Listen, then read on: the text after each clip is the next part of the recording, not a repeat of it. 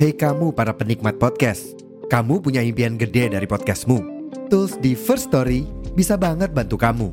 Mulai dari F-Link, Dynamic Audio Insertion, sampai statistik yang komprehensif, semua ada di First Story.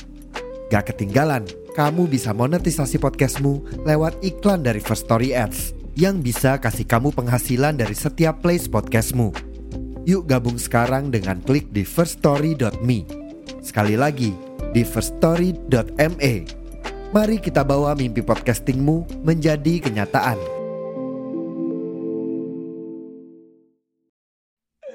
Oh God. Oh. Hai guys, balik lagi sama gue Andri. Selamat datang di Lowbat Podcast. Seperti biasa, gimana hari ini?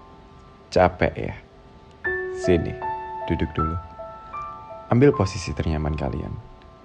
Yang rokok, dinyalain rokoknya.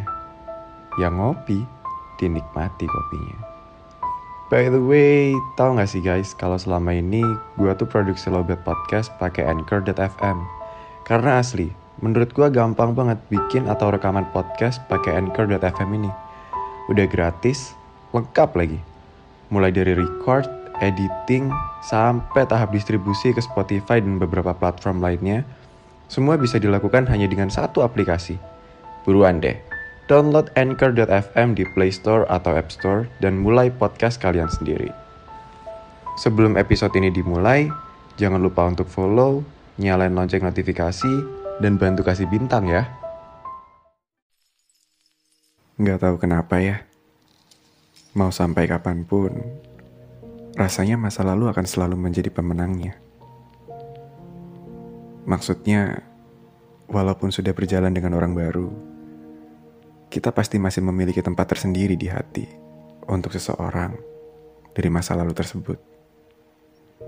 Iya, seseorang yang menancapkan jangkar terlalu dalam di hati ini saat dia berlabuh kala itu. Pernah gak sih kalian nyari pacar baru tuh kalau nggak setara atau melebihi mantan, ya rasanya seperti ada yang kurang. Ini bukan perkara balas dendam atau gengsi. Tapi entah mengapa, rasanya hati ini terasa janggal bila orang baru ini posisinya berada di bawah masa lalu kita.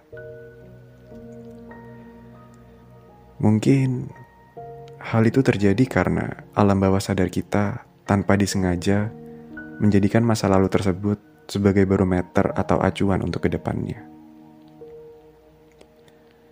Entah ini hanya terjadi padaku, atau kalian pun merasakannya. But in my case, hal ini terjadi seperti mencari sifat atau apa pun yang berkesan dari orang di masa lalu tersebut pada orang yang baru. Terdengar kejam dan tak adil memang. But this is the fact. Percaya atau tidak, kita pasti memiliki satu orang yang paling berkesan dan susah untuk dilupakan. Bahkan setelah kita menjalani hubungan dengan orang yang baru. That's why most people out there akan menjadikan orang baru sebagai pelipur lara. Jujur, bagiku itu memang cara tercepat untuk move on. Karena aku pun melakukan hal yang sama kala itu. Tapi kini, seiring berjalannya waktu, perjalanan memberiku pelajaran kalau karma does exist. Dari situ, akhirnya aku belajar untuk tidak membawa masa laluku ke hubungan yang baru. Aku memutuskan untuk sembuh terlebih dahulu dari luka masa lalu itu.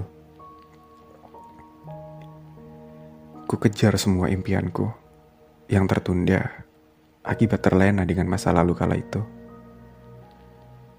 Karena bagiku, daripada buru-buru menyembuhkan luka, lebih baik memantaskan diri untuk masa depan yang lebih indah. Kini, daripada mengingat bagian yang dapat membuatku terluka kembali, bagiku lebih baik mengingat bagian yang dapat membuatku berhati-hati agar tak melakukan kesalahan yang sama pada orang baru sekaligus masa depanku. So basically, masa lalu memang bukan untuk dilupakan, tapi untuk dikenang dan dijadikan pelajaran seumur hidup.